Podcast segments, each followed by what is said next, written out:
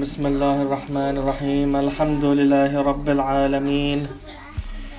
والصلاة والسلام على رسول الله وعلى آله الطيبين الطاهرين المعصومين المكرمين وعلى بقية الله في الأرضين ولعنة الله على أعدائهم أجمعين إلى قيام يوم الدين. اللهم كن لوليك الحجة ابن الحسن صلواتك عليه وعلى آبائه في هذه الساعة وفي كل ساعة وليا وحافظا وقائدا وناصرا ودليلا وعينا حتى تسكنه أرضك طوعا وتمتعه فيها طويلا في Imam Mahdis välgång och snara återkomst var vänlig skicka.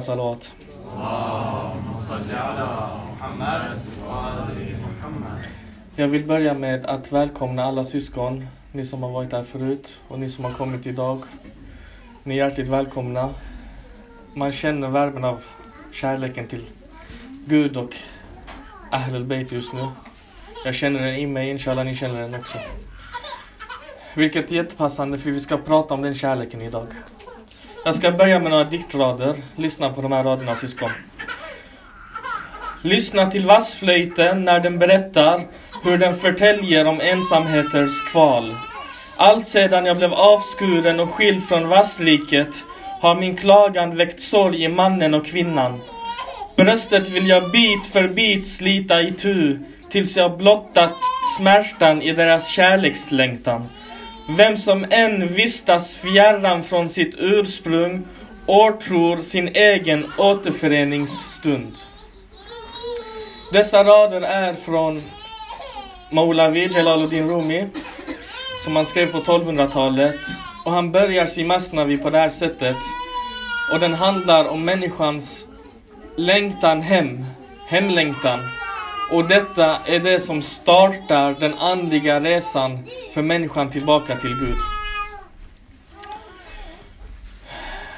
De årliga Muharram-samlingarna som vi har, de har ett syfte och alla, alla dessa syften strömmar från ett enda grundsyfte. Och det syftet är att tända den här gnistan som vi har i oss. Att få den här gnistan att blomstra upp och flamma upp och bli en eld och bränna upp oss inifrån. Kärleken till Ahlul Bayt ska komma ut ur oss, beröra oss och röra oss mot perfektion. Och tillbaka till vårt ursprung. Imam Sadiq Ali salam säger Ja ibn Jundab Säg till våra följare Låt inte andra stigar och inriktningar distrahera er. Det var som om Imam Sadiq Ali salam på den tiden visste vilken situation vi befinner oss i idag och han sa Säg till dem, låt er inte distraheras av alla de här vägarna, inriktningarna, skolorna, eh, trosuppfattningar, allt annat som finns. Distraheras inte. Att vi befinner oss idag på en plats annan än Ahlul Baits. Vi befinner oss på en plats vilsna i skogen kanske, i den svenska skogen som vi har här. Men i den här platsen där vi är så säger profeten om Imam Hussein Ali salam, Safinatu Nejat. Han är räddningens farkost. I våra termer, speciellt för de här skogsbränderna vi haft i somras. Han är som en helikopter som tar, kommer, lyfter oss ut ur den här skogen som är vilse i. Så vi ser skogen ovanifrån och vi hittar tillbaka till stigen och vi kan återvända till den raka vägen hem. Detta är Imam Hussein Ali salam. Han och hans sörjemånad, Muharram, som vi befinner oss i och de här majalis och träffarna och samlingarna som vi är i är den räddningsfarkosten som vägleder oss hem igen. Kärleken till Ahl Bayt salam betonas starkt både i Koranen och i hadither. Vi ska inte gå in på bevisföringen, för det finns gott om den, utan vi ska bara ta upp en Koranvers. Tänker vår profet, profet Muhammad sallallahu alaihi wa sallam.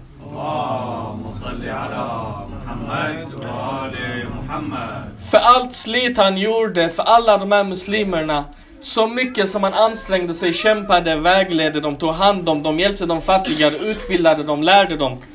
För allt det här slitet så säger Koranen att han säger till alla muslimerna Wallah ajran illa al-mawaddata fil qurba.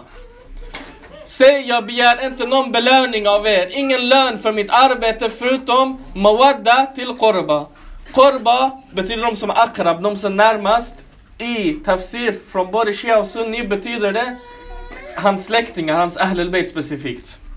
Mawadda är inte kärlek som det översätts slarvigt i, på engelska och svenska.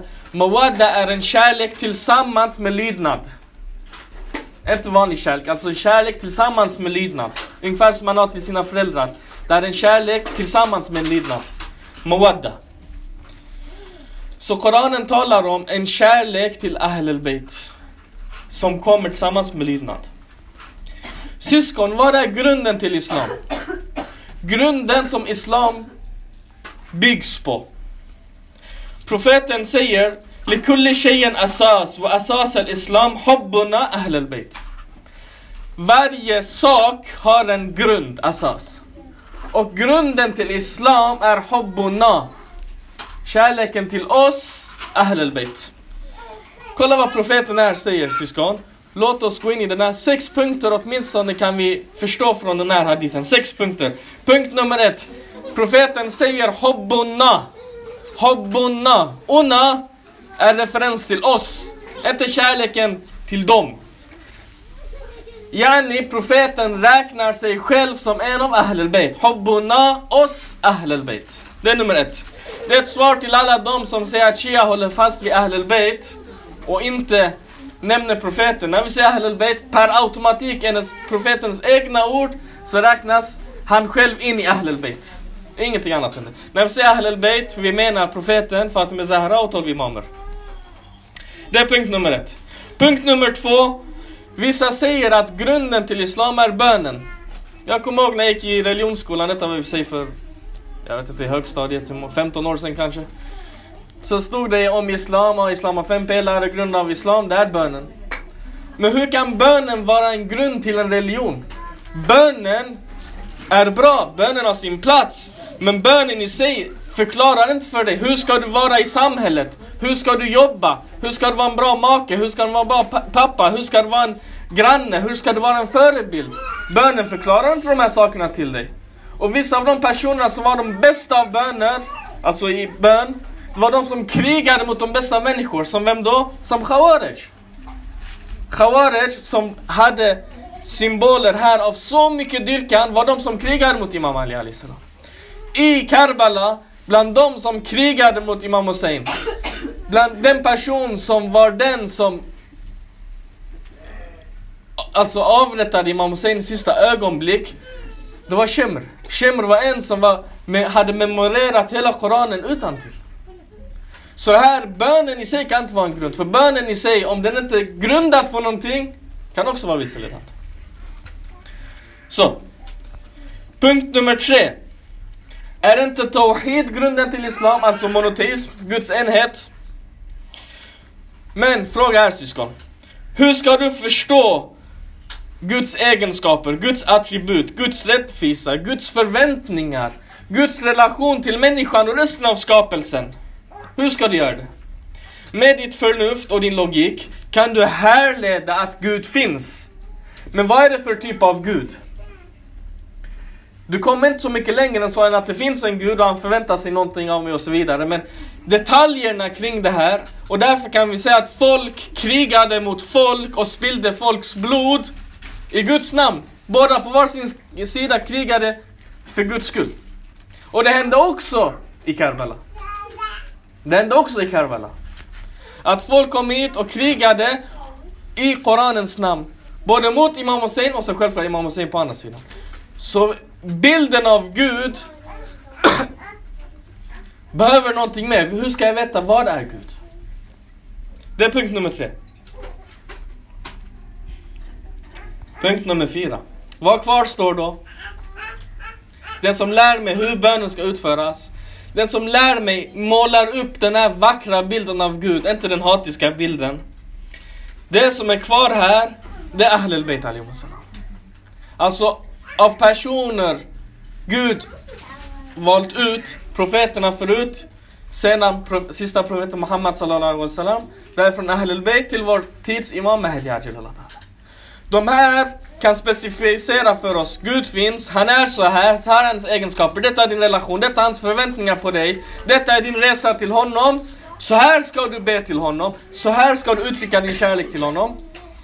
Det blir en grund, för den är allomfattande. Punkt nummer fem. De säger, eller vissa säger, att grunden att Islam är en hatisk religion, det är en aggressiv religion. Islam är våldsam. Men den här hadithen från, från profeten specificerar att Islam är baserat på kärlek. Så det är också ett svar till dem som säger att Islam är hatisk. Vi säger men profeten säger att Islam är baserat på kärlek. Vilket för oss till punkt nummer 6. Att om Islam är baserat på kärlek betyder det att vartenda handling i Islam är grundad på kärlek. Filosofin bakom varenda handling i Islam är också en kärleksfull filosofi. Att du ska be på det här sättet, att du ska fasta på det här sättet, att du ska allmosa på det här sättet, att du ska uppföra dig på det här sättet, att du ska vara en förälder på det här sättet.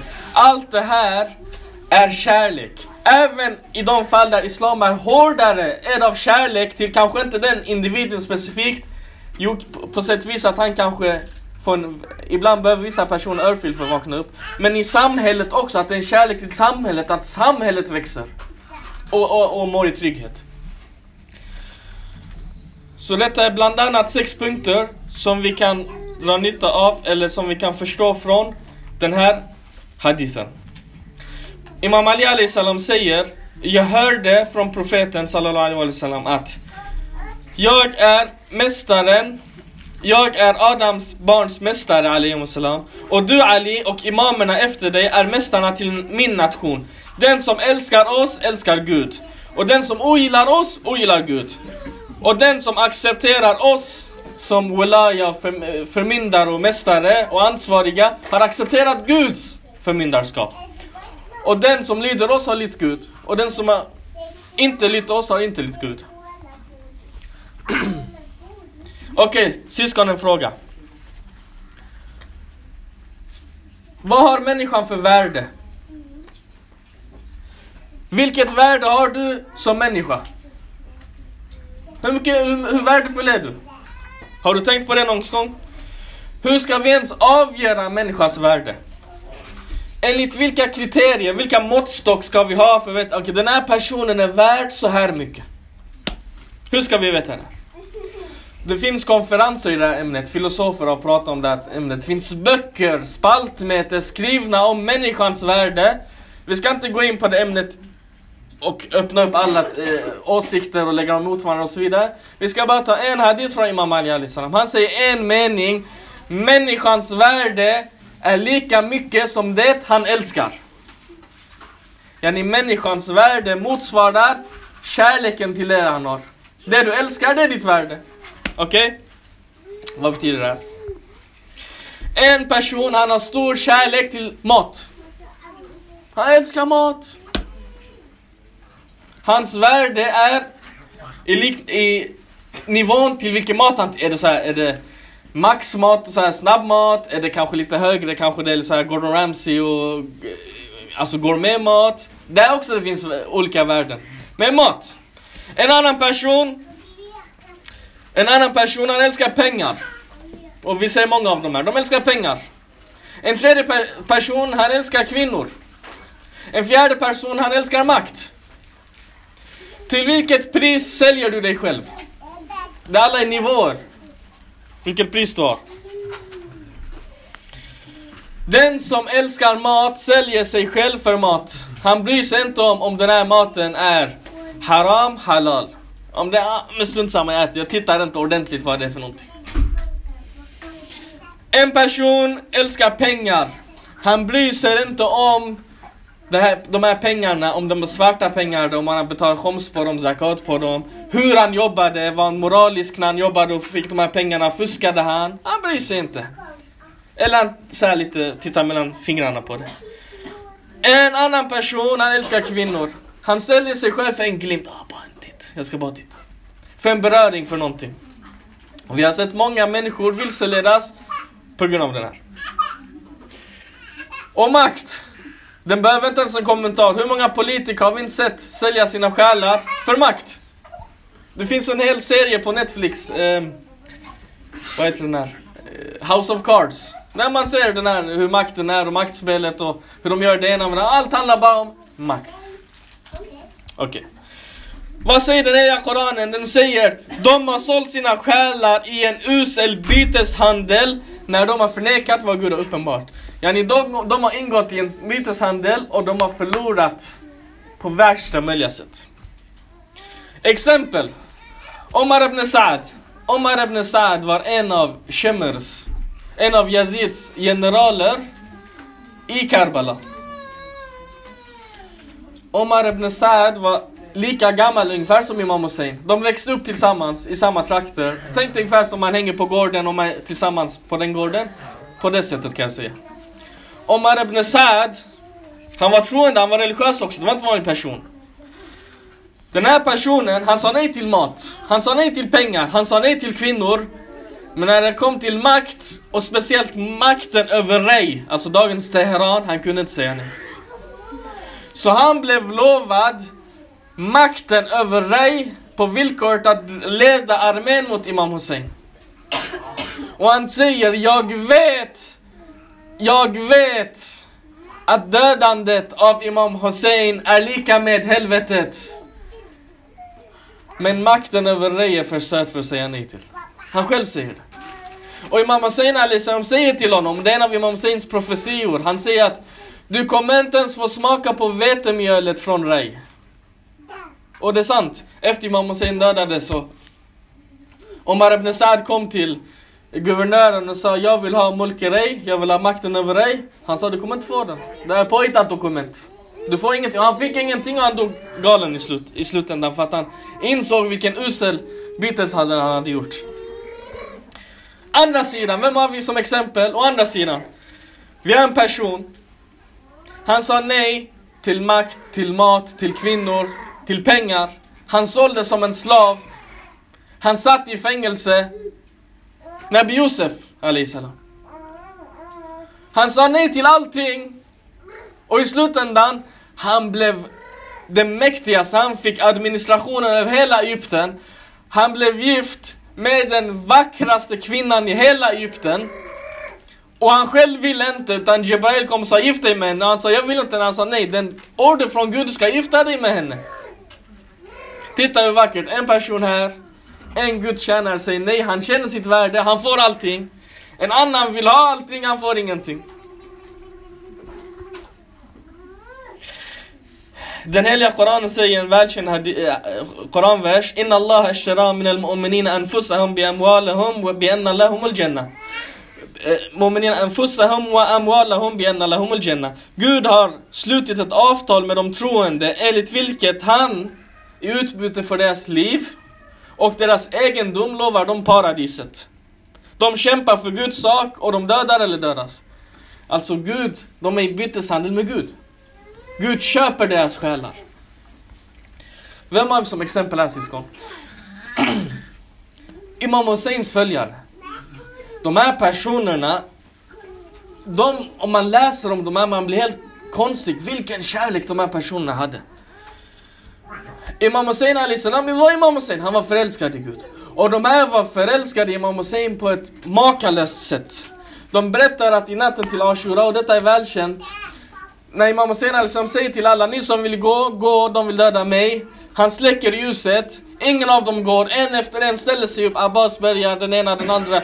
Om jag skulle dödas 70 gånger och brännas, min kropp skulle brännas till aska och den här askan skulle spridas med vinden.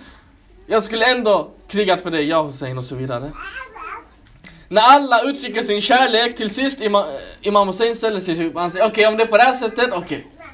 Han lyfter sina fingrar på det här sättet. Han säger mina bröder, titta här. Och han drar med handen och slöjan till osedda går vidare. Han säger titta och se er plats i paradiset. Alla de kastar ner sin blick, de tittar ner på marken och de säger Imam Hussein vad gör du? Vi har inte kommit hit för paradiset, vi har kommit hit för dig av kärlek till dig. Vi bryr oss inte ens om paradiset, vi vill gå där du går. Det här är kärlek. Gud har köpt dem och lovar dem paradiset och de vill inte ens ha den. De vill vara där Imam Hussein är. Om han är kvar i öknen i Karbala, de är också kvar där i öknen i Karbala. Och det är deras paradis. Och detta inte var ord, det var inte slogan de skrek som vi gör, som jag gör. Ja, oh, Imam Hussein, jag älskar dig, jag letar kunna ma'akum. Det är en slogan, men det är inte en handling. Nej. De här syskon, de gjorde det i praktiken. En av dem är en vanlig person. Abes ibn Abi Shabib. Han var inte från Ahl al-Bayt.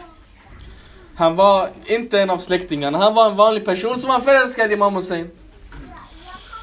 Han kommer ut på krigsfältet. När han kommer ut på krigsfältet, de försöker attackera honom från höger och vänster. De lyckas inte. De säger i historien att han jagade bort över 200 soldater. De kunde inte närma sig honom. Han var så stark och modig. Till sist en av de här generalerna som kastade sten på honom. Folk kastade sten, alltså alla soldaterna, hundratals, kastar stenar på honom. Den här personen, han tar av sig hjälmen, han tar av sig skölden, han sliter ut sin tröja, han slår sig på bröstet, han säger tror ni jag är rädd för sten? Tror ni jag är rätt för sten? Kom och kasta!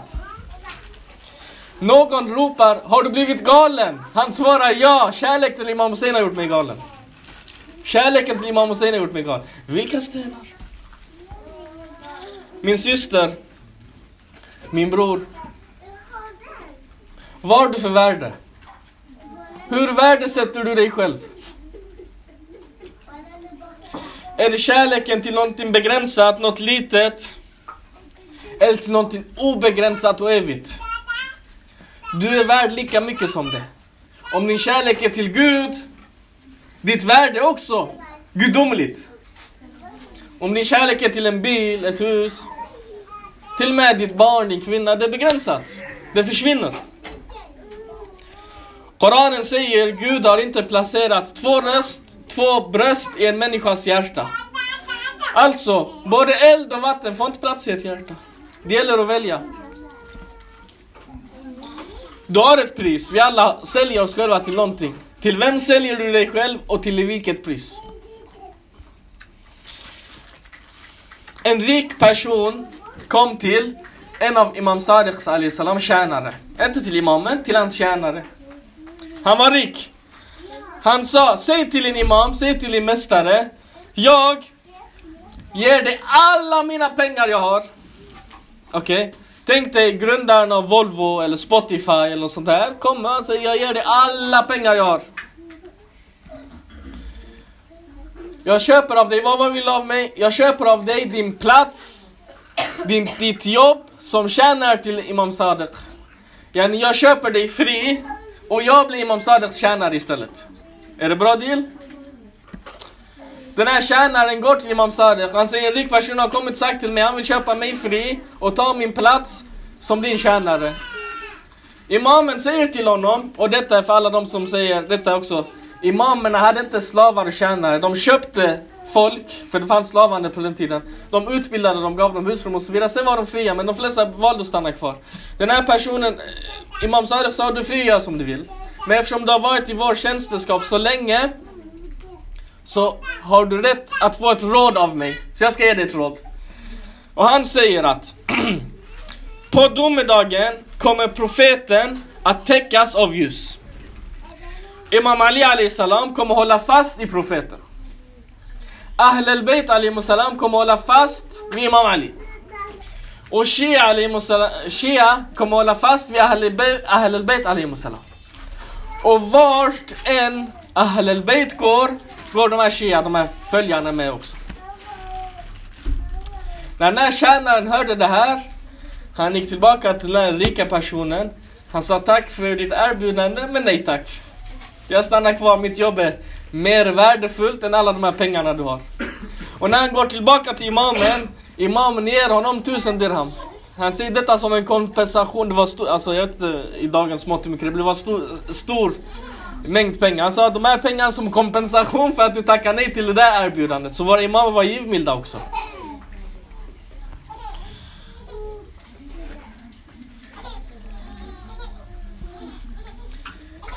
En av Arafa berättar att han kom till en plats i Europa. Han har blivit bjuden att ja, han skulle träffa ett par Det var en samling, han skulle hålla en föreläsning och så vidare. Och det var en plats här i Europa. Och han fick reda på av de som var i församlingen att det finns en, en ungdom, en iranier.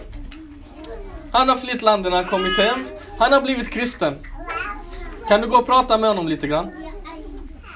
Så han sa jag gick in, jag kommer och vi har ett möte på kvällen. Så jag sitter, den här ungdomen sitter och två tränarpersoner sitter.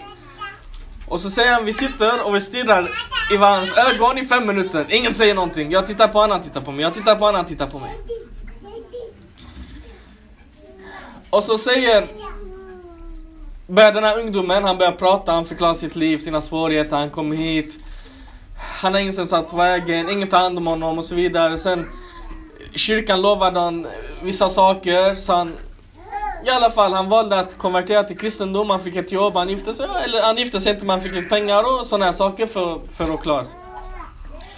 Så när Arifen han sa, jag, jag vet inte om din bakgrund är upp till dig, men nu när du har pratat så har han berättat sin livshistoria, så kommer jag att tänka på en hadith från Imam Reza Ali.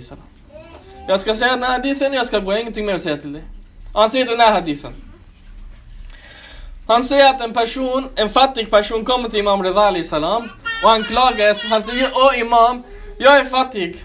Jag har inte råd med någonting. Imam Reza salam säger okej, okay, låt oss göra en deal här, vi är en affärshandel.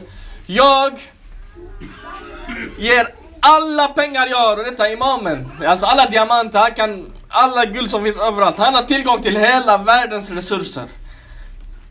Jag ger dig alla mina egendomar och jag köper en sak av dig.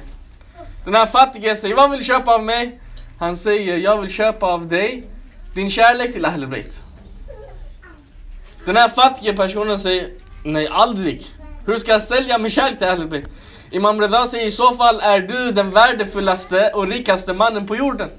För du har någonting som du inte vill sälja för något i hela världen. Den här Arafen säger den här hadithen, han går, och mötet avslutas och han berättar att dagen efter när vi satt och majlisen började, han satt på Mambar, han började föreläsningen, Bismillah Rahman Rahim. Den här ungdomen kommer in mitt i föreläsningen, han slår sig själv i huvudet, han slår sig själv i bröstet och han säger Jag sålde Ali! Jag sålde Fatima till Zahra, jag sålde Imam Husseins kärlek för den här världen. Han grät, han slog sig själv, han var så ångerfull. Vad jag vill säga mina syskon är vad är ditt värde? Vad säljer du dig själv för? Om du älskar Imam Hussein, som jag vet att du gör, annars skulle du inte suttit här. Den här kärleken är värd mer än det du byter bort den för. Alla de här synderna, var och en av oss har dem. Jag vet inte vad du har, jag vet mina egna. De är inte värda. De är inte värda. Jag ska avsluta med den här hadithen och vi ska gå in på Azan. När jag säger att jag vet den här saken syskon. Kolla. Abu Basir rapporterar att Imam Bakar salam säger Den här kärleken som ni har till oss Ahl al-Bayt, den här kärleken som ni har Den är inte från er själva, den är en gåva från Gud. Den är en gåva från Gud. Så om du sitter här just nu och du känner kärleken till Ahl al-Bayt så ska du veta att han älskar dig också för du har fått den här gåvan. Direkt från Imam Bas, eh, Bakar salam. Det är en gåva från Gud. Och Gud ger inte gåvor till vem som helst. Han ger den till dem som han älskar. Så att du älskar honom, den kärleken är dubbelriktad. Den är besvarad.